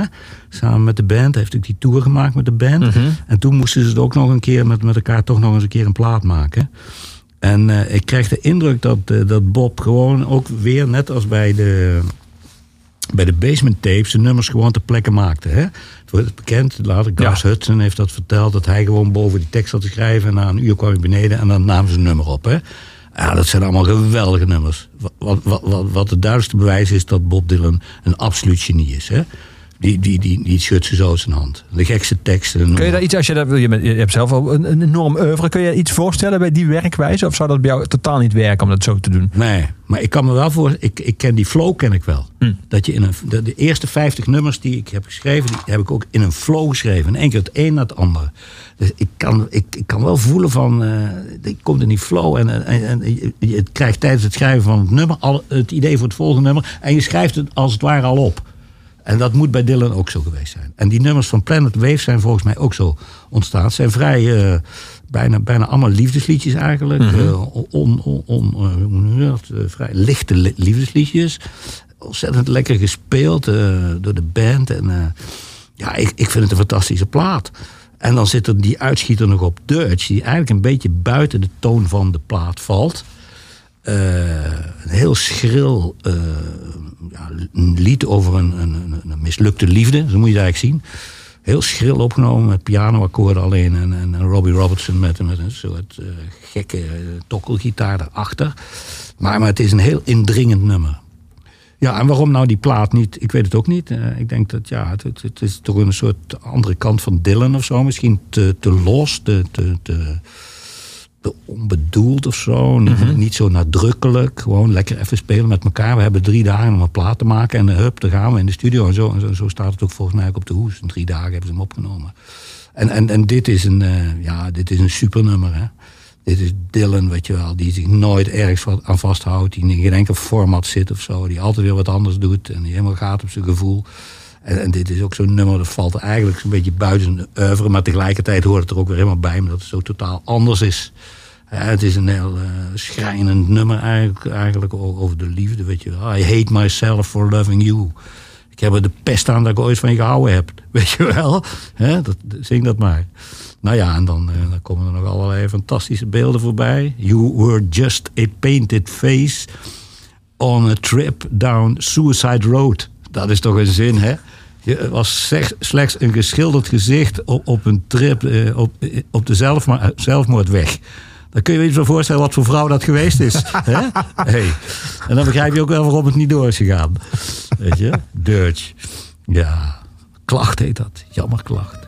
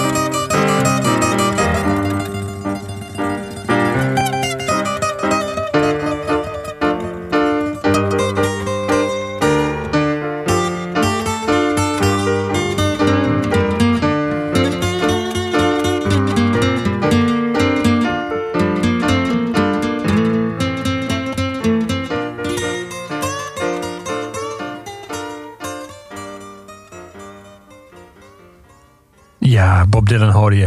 Een keuze van mijn gast in Oeverloos, Alex Roeka. I hate myself for loving you. Ja, Alex, die liefde. Jij, noemt, jij geeft jezelf in eh, het nummer waar we het straks mee openden... met Zanger van Leven, Liefde en Dood... het openingsnummer van je nieuwe album... geef je jezelf een drie voor de liefde. Die, je- die, zoete, die zoete ziekte noemt. Ja, ja, ja, ja, ja, ja. Liefde is natuurlijk een heel eh, groot woord, hè. Een te groot woord voor de mens misschien wel. Maar de mens is in essentie toch een, eh, egoïstisch eh, wezen... wat eh, voornamelijk zijn eigen belang na, nastreeft. Maar hij neemt wel altijd het woord eh, liefde heel gemakkelijk in de mond.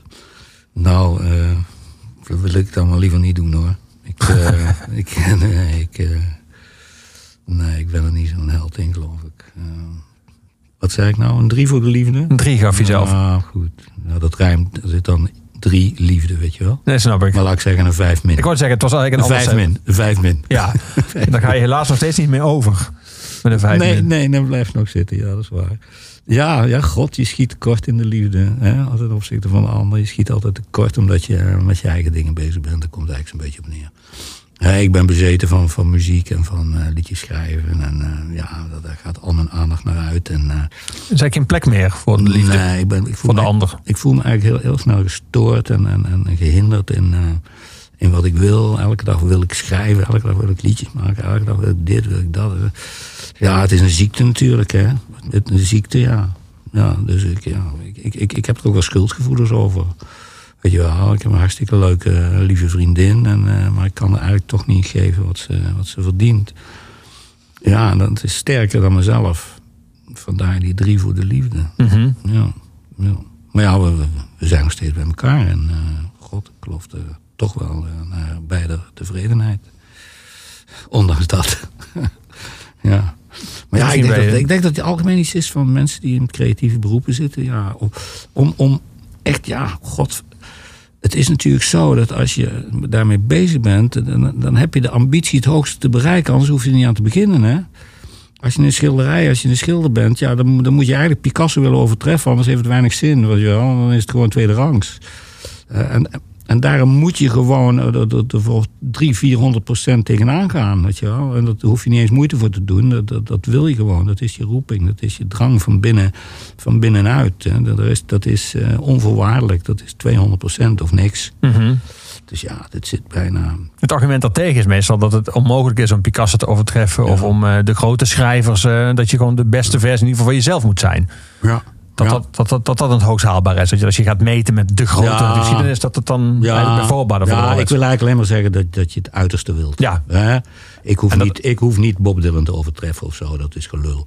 Eh, of Brel, of weet ik veel, dat, dat is onmogelijk. Maar, maar ik kan wel proberen inderdaad het allerbeste uit mezelf te halen. En dat kan soms een liedje opleveren wat, wat, wat, wat, wat, wat, wat, wat ook heel goed is... en waar mensen ook heel veel plezier aan beleven en, eh, en door geraakt worden. Ja. ja. Is dat de reden, denk je, dat heel veel kunstenaars of schrijvers en of muzikanten de neiging hebben om een geliefde dan een muze te noemen? Waarmee ze al een soort van die speciale plek die ook wel eh, nog steeds ten dienste staat van de kunst van de kunstenaar Ja, eh, eren. Ja, ja, ja, of misschien vanuit schuld, schuldgevoel, weet Ja, je wel. Dat ze ja. voelen hoeveel ze tekort schieten en dan maar de muze noemen. Dan heeft ze ook nog wat eer. Zo, hè? Zo kan, zo kan het ook nog. Ja. Ja, er zijn zo, ja, de muze, ja, ik weet niet het vandaan komt. Het, het, het, het, het idee, ja, gewoon van, van eh, ik weet niet, Petrarca of zo. Hè? Die had ook zo'n vrouw die, eh, die, zijn, die de, de adem was van zijn, van zijn sonnetten of van Ja. zijn gedichten. ja, er zijn er vele geweest. Dat- vele muzes. ja, ja. ja, het is natuurlijk wel zo dat vrouwen wel eh, kunnen inspireren. Natuurlijk omdat ze zo diep raken met hun schoonheid of met hun persoonlijkheid of weet ik veel. Ik heb ook een hele cd gewijd aan mijn verliefdheid op Anne. Beet van Liefde. Mhm. Dus in, in, in die zin was ze voor die plaat wel mijn muze. Ja. En, en eigenlijk nog steeds. Staat op deze plaat ook een nummer Diep aan je gehecht. Ja. Weet je, is ook wel ingegeven door, door haar. Weet je wel, en, en zo, eh, ja, zo liefdesliedjes. Dat zijn meestal wel heel erg persoonlijk en uit je eigen leven. ja. Autobiografisch. In 2000 eh, won jij voor Noem het geen liefde van je album eh, Wildernis van een jaar daarvoor. 1991 won je de Annie M.G. Schmid prijs. Ehm, dat is nog steeds even jouw eh, populairste nummers volgens mij. Of bekendste nummers bij mensen. Ehm, als je daar nu aan terugdenkt, dat is nu 20 jaar geleden eh, dat je die prijs won. En meer dan 20 jaar geleden dat je dat nummer, dat nummer uitkwam. de, de Alex Roeka van toen, eh, in de tijd van Wildernis, hoe, hoe kijk je dan nu? Dan zat hij heel ver van je af. Lijkt dat veel, 20 jaar? Of lijkt dat of het nog maar gisteren was? Ja, het lijkt eigenlijk alsof het gisteren was. Ja? Maar het, het was natuurlijk wel... Ik, ik heb jou beschreven hoe ik op dat kamertje zat daar in die, in die Ferdinand Bolstraat. En dan gebeurt er dus iets geks. Dan ga ik in één keer Nederlandstalig liedje schrijven op een gegeven moment. En ik mag zelfs een plaat maken. En ik krijg nog die prijs. Ja, dan, dan is er in één keer iets heel anders aan de hand. Dat is Dan- mensen heel veel buitenwereld. toch? ja, ja, dan ben ik in één keer uit mijn, uit mijn verworpenheid, als ik het zo mag noemen, Ja. eh, getrokken en kom in een heel andere wereld terecht. Een, een, een wereld van, eh, waar je aandacht krijgt, waar je, waar je waardering krijgt. eh. Ja, en dat is natuurlijk toch waar je stiekem eh, wel naar, op zoek bent als je creatief bezig bent. Hè? Die, die erkenning, die aandacht. Dus ja, dat, dat was een, eh, een, een, een- een wonder wat in mijn leven is geschied. Dat zijn die Nederlandstalige liedjes die ik gaan, ben gaan schrijven... terwijl ik helemaal op de Engelstalige popmuziek was. Ga ik in één keer Nederlandstalige liedjes schrijven. Weet je wel? En dan krijg ik ook nog eens die prijs. En daarna nog twee keer een Edison. Ja, dus ja, er gebeurt in één keer iets, iets heel vreemds in mijn leven. Iets wat ik nooit van mijn leven eigenlijk verwacht had dat het ooit zou gebeuren. En eh, ja, daar ben ik eigenlijk heel, eh, moet ik zeggen, heel, heel bijna dankbaar voor dat me dat is overkomen. En dat is een dankbaarheid zonder bijsmaak. Want soms zie je bij mensen die dat opeens overvalt, dat dat ook heel zwaar valt. Dat, dat, dat er opeens dan een, een- zoveel licht op ze schijnt dat ze, dat eigenlijk, dat ze er bijna door verblind raken. Dat dat, Daar hoef, ik niet bang, daar hoef ik niet bang voor te zijn. Nee, nee, daar hoef ik echt niet bang voor te zijn. Nee, mijn liedjes zijn zo, dat, is, dat spreekt geen groot publiek aan. Nee. nee, nee, nee. nee. Dat blijft beperkt tot de kleine zalen eh, van de theaters. En die zijn dan de laatste tijd uitverkocht. Maar eh, dat wordt niet meer dan dat. Weet je, daarvoor is het te, te, te, ja, te weinig populistisch, zou ik bijna zeggen. Ja. Dus ik hoef helemaal niet bang te zijn daarvoor. Nee, ik zou, ik zou het niet, niet, niet weigeren hoor, als ik in een carré kan spelen of in de arena. Het zal niet, ik, zal niet, ik zal niet zeggen van ik kom niet, maar eh, het, zit er gewoon niet in. En ik moet er blij mee zijn, weet je. Ik moet er eigenlijk blij mee zijn, want ja, god, ik maak mijn eigen dingen. Ik maak mijn eigen dingen. Ik, ik, ik, ik ben niet gericht op publiek. Ik hoef geen compromissen te doen. Ik kan pak aantrekken wat ik wil. Ik kan eh, zeggen wat ik wil. Ik, ben mezelf. En dat is het enige wat ik eigenlijk altijd gewild heb. Wat ik van, van jongs af aan denk ik wel altijd ge- gewild heb. Ik wil, ik wil datgene zijn wat ik echt zelf ben. Ik wil me niet door de maatschappij op laten dringen. Een bepaald iemand te zijn op een kantoor of weet ik wat. Ik, eh, daarmee die, eh, wil ik, denigreer ik niet die mensen hoor. Weet je wel, dat zijn helden op, ook allemaal op hun manier, weet je wel. Maar ik heb toevallig het voorrecht dat, dat ik dan helemaal mezelf kan zijn. Daar heb ik ook wel voor moeten vechten en daar heb ik ook wel onder geleden en zo. Maar, maar het, het is nu wel zo. En, en dat, dat is een, een, een, een, een uitzondering, een voorrecht. Ja. en daar ben ik eh, ja, eigenlijk wel blij mee. Laten we een nummer luisteren uit eh, 1999, waarvoor je in 2000 de Annie M.G. Schmid prijs won. Van het album Wildernis is dit eh, Noem het geen liefde.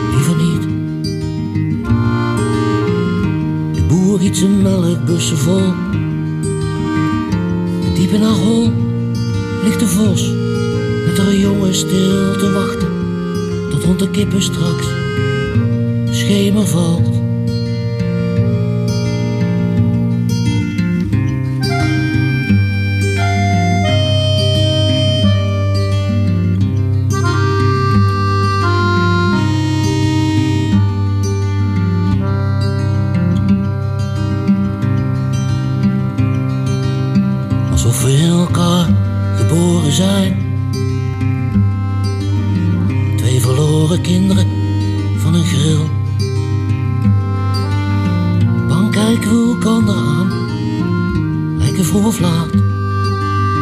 In elkaar ook dood te moeten gaan.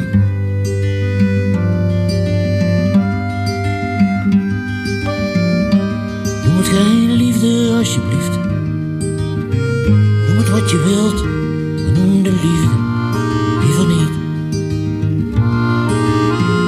De wolken trekken traag voorbij.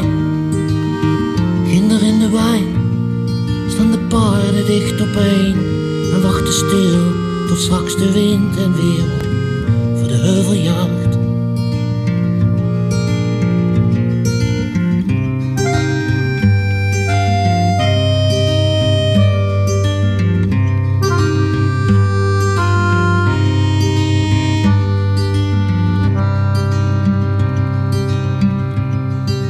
Alex, we gaan zo luisteren naar eh, Steve Earle van eh, het nummer Copperhead Road eh, uit 1988.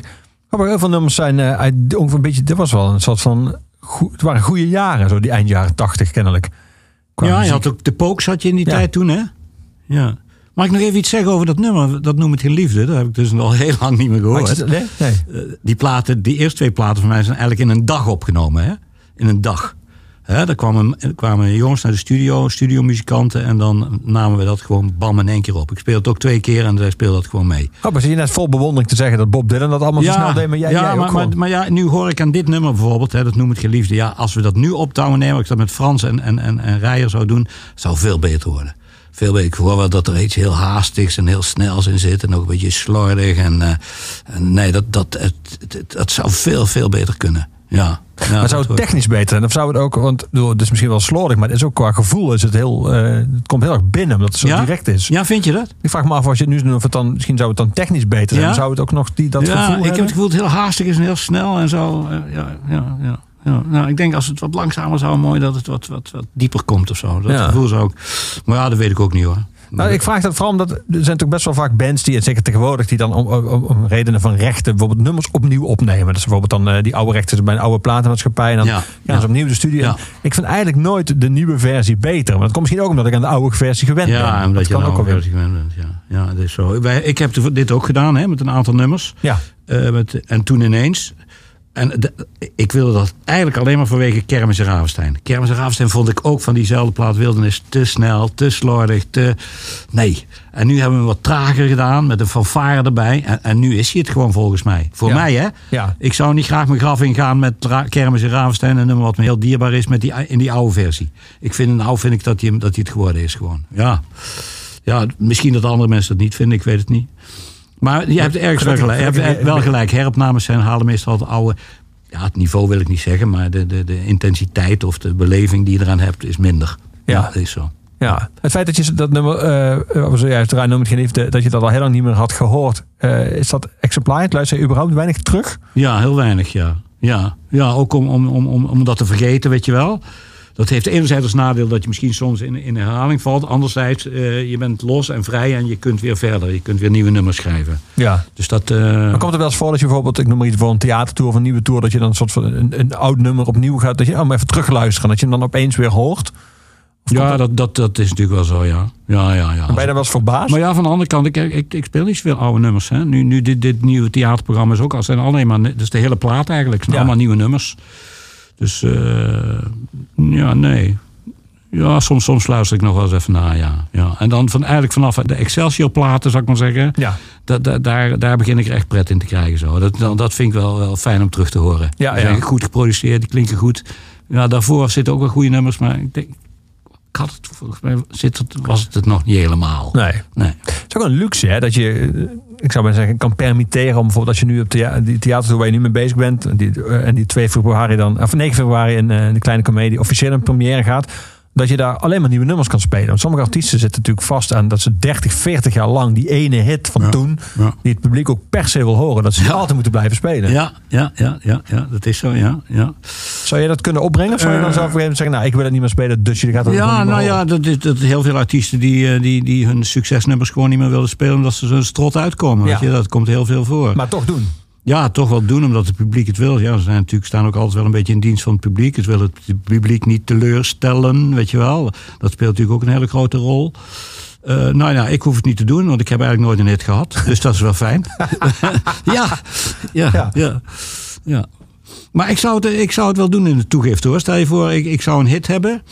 En dan zou ik, de- zou ik hem denk ik in de toegift wel doen. Want ik heb er tot op heden geen, geen moeite mee. Ik, ik, eh, om, ik, ik, ik doe ook mee aan wielrenavonden zo, weet je wel. En dan speel ik mijn, mijn wielrennummers. Dat zijn altijd dezelfde. Ja. En ik heb daar nooit moeite mee.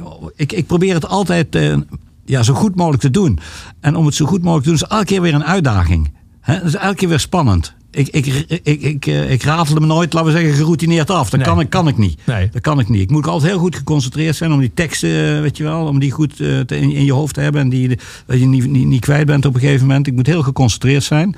Dus voor mij is het wel een uitdaging steeds, hetzelfde, Ja. ja. hetzelfde nummer. Daarom vind ik het ook niet erg om dit, om dit programma honderd keer te spelen. Nee, dus elke keer weer, je kunt er elke keer weer iets meer van maken. Of, ja. Ja, ja. We gaan naar de Devil's Right Hand eh, luisteren van Steve Earle. Ja, jij Eh, begon net over die 80 jaren. Hè? Ja. Dat, er- ja, dat er ook. Ja, ja precies. Eh, Steve Earle, eh, de Pokes. Zo, ja, die, die, die, die, dat- waren wel mijn mannen, mijn mannen waar ik zo veel naar luisterde. Ja, Ja. Luister je überhaupt vooral naar mannen? Die indruk zou je kunnen krijgen op basis van de ja, nummers ja zou ik bijna zeggen. Ja. Ah, Reese Franklin ik natuurlijk wel heel, heel gek op. En eh, ja, bepaalde ehm, country, country zangeres, Tammy Wynette. Eh, Emmylou Harris begint me een beetje te vervelen. Die vond ik wel goed in de tijd met Parsons. Maar die duetten zijn fantastisch. Ik hoorde laatst nog eentje, een duet wat ik niet kende. Heel mooi. Eh, Parsons met, met Harris. Maar die, die stem begint, er zit zo'n soort galm in die, die me nu begint te hinderen eigenlijk. Het is niet dezelfde stem, maar de manier waarop die wordt opgenomen dan. Nee, nee dat, is ook, dat is ook wel haar manier van zingen. galm in haarzelf? Ja, dat is, dat Oh. is haar, haar, haar, haar galm, ja. De, de Emmylou-galm. maar wacht even. eh, ja, nee, natuurlijk vrouwen, ja. God, jezus. eh, noem er eens een stel. Die van de Pretenders, die vind ik ook wel goed. Chrissy Hind. Ja, heel goed. Blondie natuurlijk. Lucinda Williams, kan me vast dat in jouw... Sorry? Lucinda Williams? Ja, ja, ook wel. Maar ja, die heeft dan weer zo'n overdreven Amerikaanse knauw in de stem zitten. Dat vind ik ook, weer- daar heb ik soms ook wel weer moeite mee. Ik denk dat het heel gemaniereerd is of zo. Dat dat dan moet, weet je wel, voor de platen. De- omdat, omdat de Amerikanen dat fijn vinden om te horen. Maar voor mij hoeft dat niet. Nee, maar ja, vrouwen, ja. God, jezus, zeg je wat. Mm, wie hebben we nog meer? Het hoeft niet, hè? Ja, Etta James, hè? Etta James, die, die, die, die soulzangeres is ook geweldig. Etta James, ja, god, laatst heb ik nog eens even die film zitten bekijken van Chuck Berry, heel, heel rock and roll, naar aanleiding van de 65e verjaardag of zo. En daar eh, komt op een gegeven moment Etta James komt eh, ehm, rock and roll music zingen. Nou, dan moet je eens bekijken op YouTube. Jongen, jongen, jongen, is dat goed zeg. Ja, Etta James. eh, ja, het zijn vooral die, die, die, die soulzangeressen, hè. Ja. Ja, en Nina Simone natuurlijk. Is ook geweldig, Nina Simone. Mhm. En dan heb je nog Billie Holiday natuurlijk. Ja, je kunt ook een hele vracht, eh, vracht vrouwen opnoemen die, eh, die geweldige zangeressen zijn. Geweldige zangeressen. Ja. Eh, Brian Fallon, vroeger van de Gaslight Anthem, heeft een fantastisch nummer over Etta James geschreven. Laten we dat even draaien. Oké.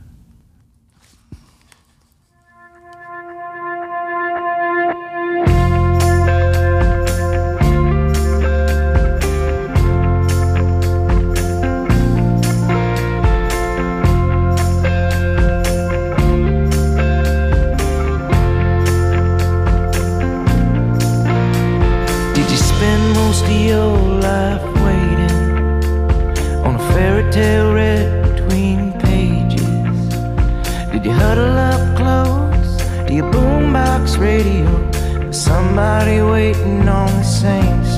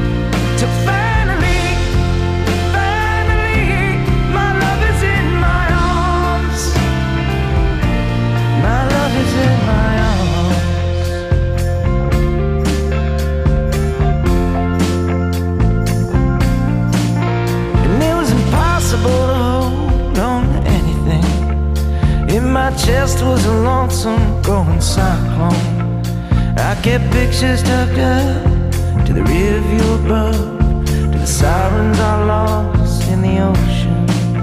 And all we wanted was absolutely everything, like foolish, hungry young lions.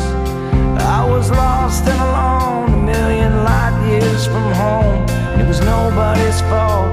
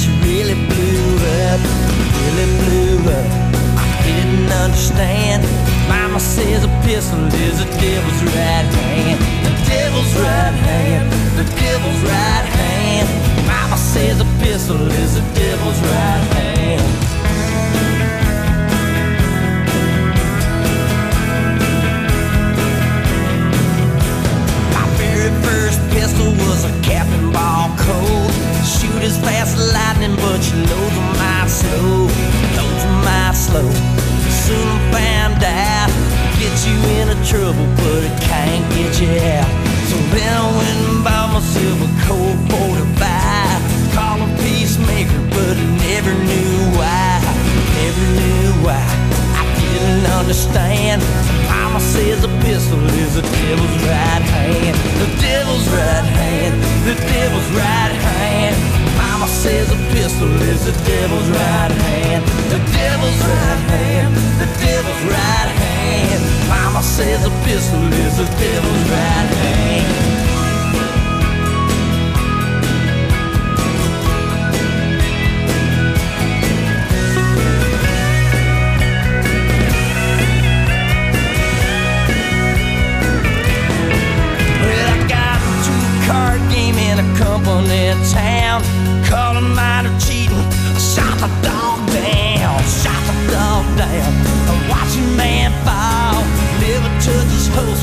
Never had a chance to drop. it. I with him all and drug me out of bed. Asked me how I'm bleeding. Not guilty, I said. Not guilty, I said. Got the wrong man. Nothing touched the trigger but the devil's right hand. The devil's right hand. The devil's right hand. Mama says the pistol is the devil's right hand. The devil's right hand. The devil's right hand. The trigger but the devil's right hand. My mama said the pistol is the devil's right hand.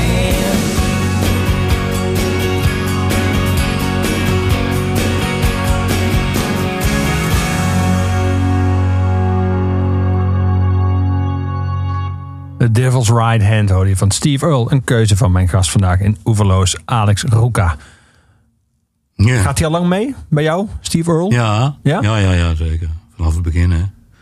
Ja, ja, Steve Earle, ja, dat vind ik... Ja, ik heb altijd van country muziek gehouden natuurlijk. En hij gaf wel die, die elektrische touch aan, weet je. Ja, bij hem werd het, eh, de invloeden van de punk en van de, van de rock and roll en zo... die kwamen heel erg in die, eh, in die, in die, in die country, zoals hij, dat speelt. Hè. Heel, eh, heel veel elektrische gitaar, heel fel gespeeld, hard. Mooie stem, geweldige stem vind ik dit. En eh, hoe hij sommige zinnen, weet je wel, dat zijn klank, eh, klankreeksen, hè. Dan hoor je eigenlijk niet wat hij zingt, maar het is een hele mooie, melodieuze klankenreeks eigenlijk. En dan ga je kijken en dan is het ook nog een, zin. Ja, die Steve wel, die vind ik wel eh, te gek. Ja, dat vind ik echt een grootheid. Ik, heb, ik, heb, ik heb hem eens ooit live gezien. Ik stond in een café in, op, de, de Westerstraat, café Het Monumentje. En daar stonden ze wat te lullen en zo. En, eh, ja, eh, Steve Earle, het ging dan over Steve Earle, weet je wel. Dat prachtige nummer van hem, eh, My Old Friend the Blues. Ja. Hè? Zo te zeggen. Ja, kom, kom, nu, gaan, nu gaan we hoor. Ik zeg, waar, waar, hoezo, nu gaan we? Nu gaan we naar Paradiso, want daar speelt hij vanavond. Ik zeg, zo hè, dat wist ik helemaal niet. Nou, ga maar mee, we hebben nog een kaart. Dus zo ben ik er wel eh, ooit op een live concert terechtgekomen bij Steve Earle in Paradiso. Ja, en, eh, ja, wanneer zal het geweest zijn? Ook zo eind jaren tachtig, denk ik. En eh was helemaal niet zo druk. Nee, helemaal niet zo druk. Nee. En eh, ja, wel, wel mooi natuurlijk. Ja. Om die gasten eens even in het echt te zien. Hij komt nog steeds regelmatig naar Paradiso. Dat verkoopt hij inmiddels wel makkelijk uit. Ah, maar in die tijd niet. Nee. Nee, nee. nee. Soms is hij heel zagrijnig. En soms Ja. heeft hij iets meer te vertellen tussen nummers door. Ja, dat is natuurlijk een hele bijzondere, bijzondere man. Hè? Hij schrijft boeken ook. En, en zijn teksten zijn ook altijd... Dit is, vind ik ook weer een hele mooie tekst eigenlijk. Hè?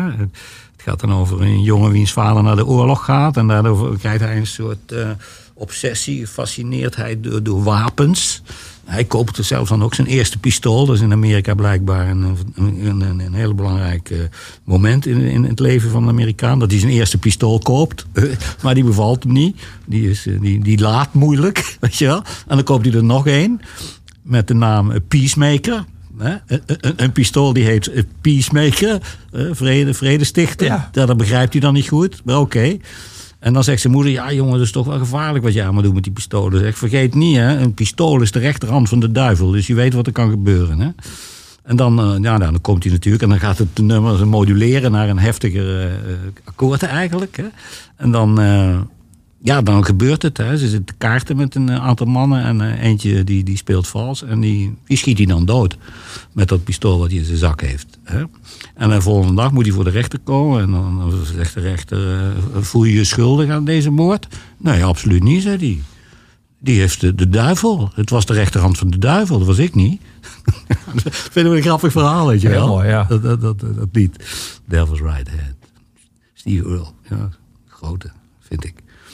We gaan naar eh, Tom Waits luisteren met eh, Drip of Poison, heet het nummer. Ehm, waarom deze? Ja, ja goed, die, die bekende nummers van, van de, hè, dat, dat- dat, merk je door mijn hele lijstje wel. Ik wil er niet voor de bekende nummers, hè, dat, dat, die kennen we wel. Het is veel leuker om eens wat onbekendere nummers eh, zo erin te gooien, die ook heel goed zijn. En, en Tom Waits hoort, er- hoort er natuurlijk bij, alhoewel ik heb heel dikwijls moeite met zijn wat, wat overdreven stem, die naar mijn gevoel soms karik- karikaturaal is gewoon, dus over de top. Hè. het is heel theatraal. Ja, het is mij te theatraal. Ik, want daardoor verliest hij mij soms wel een beetje aan geloofwaardigheid. Dan vind ik hem meer een acteur eigenlijk dan, dan een zanger. Maar hier hij valt wat hij mee. natuurlijk ook is. Ja, ja, Ja, ja. ja. precies. Maar, ja, maar hier valt het mee, hè? Drip of Poison. Ik ken dat nummer eigenlijk niet. Van Orphans, dus Ja. later van 2006. Ja. dat is een verzameling van, van eigenlijk outtakes. Hè? Ja, Dingen die ja. de plaat niet gehaald hebben. Maar dat Drip of Poison is, is wel heel erg Tom Waits. Vooral in, zijn, in die percussie, weet je, dat ritme, dat hele vreemde, vreemde ritmes die hij heeft. Die staan ook echt helemaal buiten, buiten de, de, de echte popritmes zoals we die nou gehoord hebben in die vijf nummers. Dat is heel anders. Ja, hij is heel erg geïnspireerd, geloof ik, door, door Duitse theatermuziek uit de twintiger jaren of zo. Dat, eh, dat, dat, soort, dat soort mensen. En dat hoor je wel. En ik vind dat hij hier ook wel. ehm, ja, voor mij redelijk aangenaam zingt. En, en het is natuurlijk, het, valt, het, het past ook mooi in ons lijstje. Hè? Drip of poison, weet je wel, een druppel vergif. Dat zit eigenlijk in alles in het leven, weet je wel. Hoe mooi het ook is, Eldorado of, of wat dan ook, of Ja, New York. Going Down. Overal zit er dat vergif in, dat druppeltje vergif. Je, de- het volmaakte bestaat niet. En dat, dat, vind, dat vind ik ook wel heel mooi eh, in dit nummer, Drip of Poison. Er zit nog een mooie zin in, die heb ik me even opgeschreven.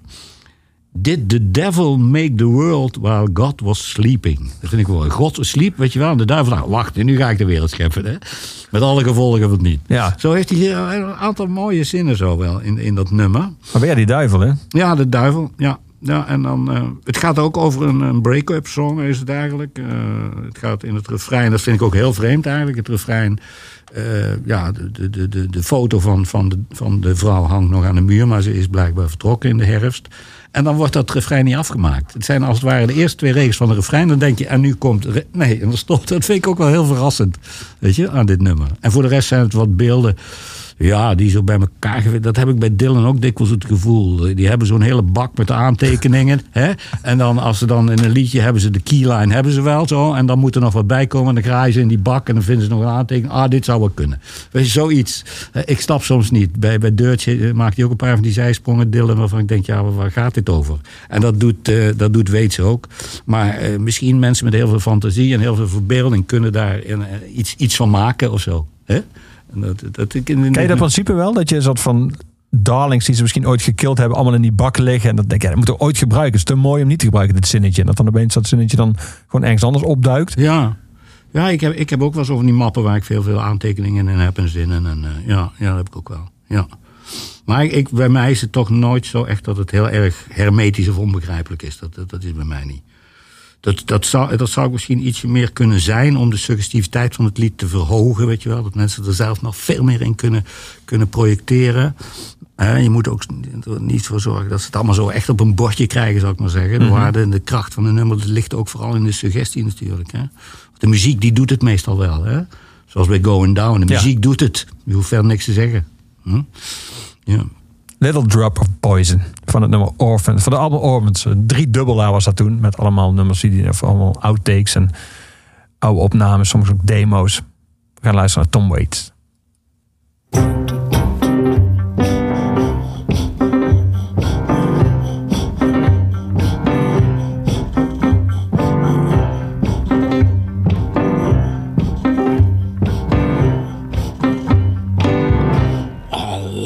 my town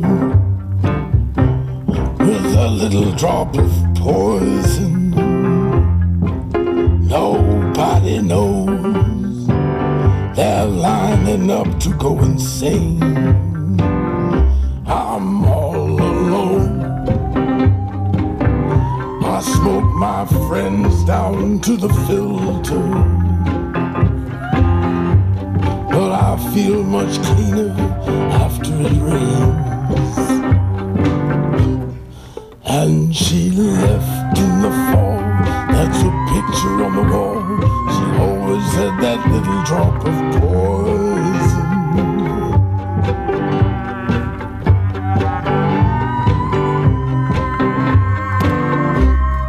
Did the devil make the world while God was sleeping? You'll never get a wish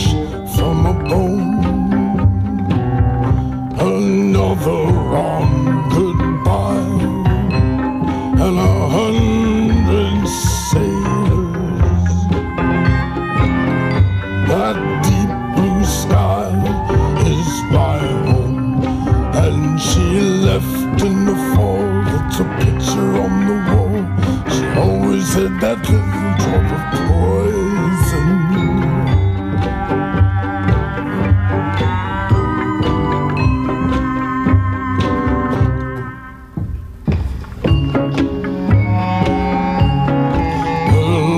Rat always knows when he's in with weasels.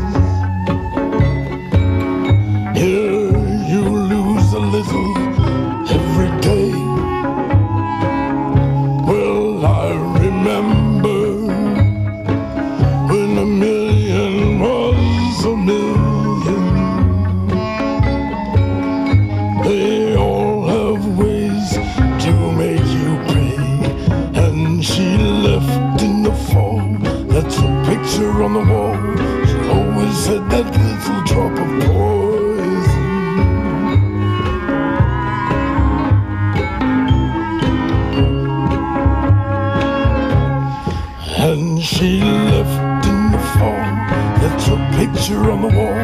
She always had that little drop of poison.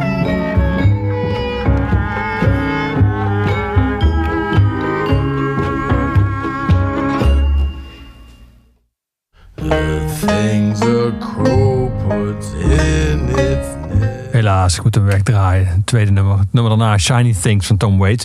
Alex, je zat aantekeningen maken terwijl je naar het nummer luisterde. Ja, ik, Hoor, ik- hoorde je nog iets nieuws? Nou, ik hoorde in één keer dat die zong I smoke my friends down to the filter.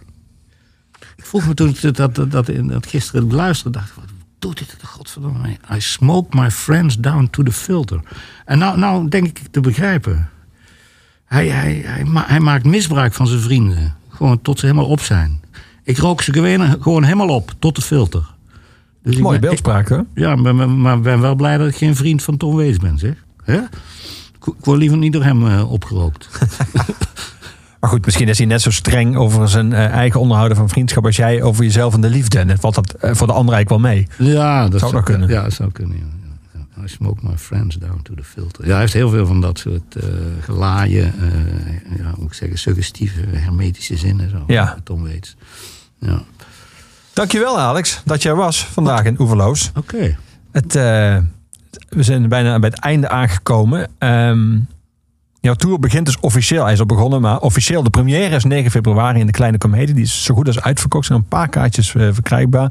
Maar je speelt iets daarvoor in Maastricht. En daarna in Groningen, Nijmegen, Den Bosch, Assen, Amersfoort, Almelo. En nog heel veel andere plekken. alexroeka.nl staan alle data. Je luistert naar Oeverloos. Iedere week eh podcast op Kink. Via alle Kink-kanalen. Dus de app en de site. En dan via alle streamingplatforms. Mogelijk gemaakt door de muziekgieterij. Het grenzeloze muziekpodium. Volgende week in Oeverloos Frits Spits. De meest legendarische radiomaker van Nederland wellicht. eh over zijn prachtige boek. eh, Alles lijkt zoals het was. Eh, en we gaan afsluiten. We gaan begonnen eigenlijk in het, op de kostschool. En we gaan ook afsluiten met de kostschool. Het laatste woord van iedere oeverloos is aan onze huisdichter postuum Luc de Vos. We sluiten opnieuw af met Gorky, maar dan nu het nummer van eh, Luc de Vos over zijn tijd op kostschool. Die helaas voor hem eh, aanmerkelijk minder vrolijk klonk en ook muzikaal eh, dan die van Alex Roeka. Hier is Gorky ter afsluiting van deze oeverloos met donkere stille gangen.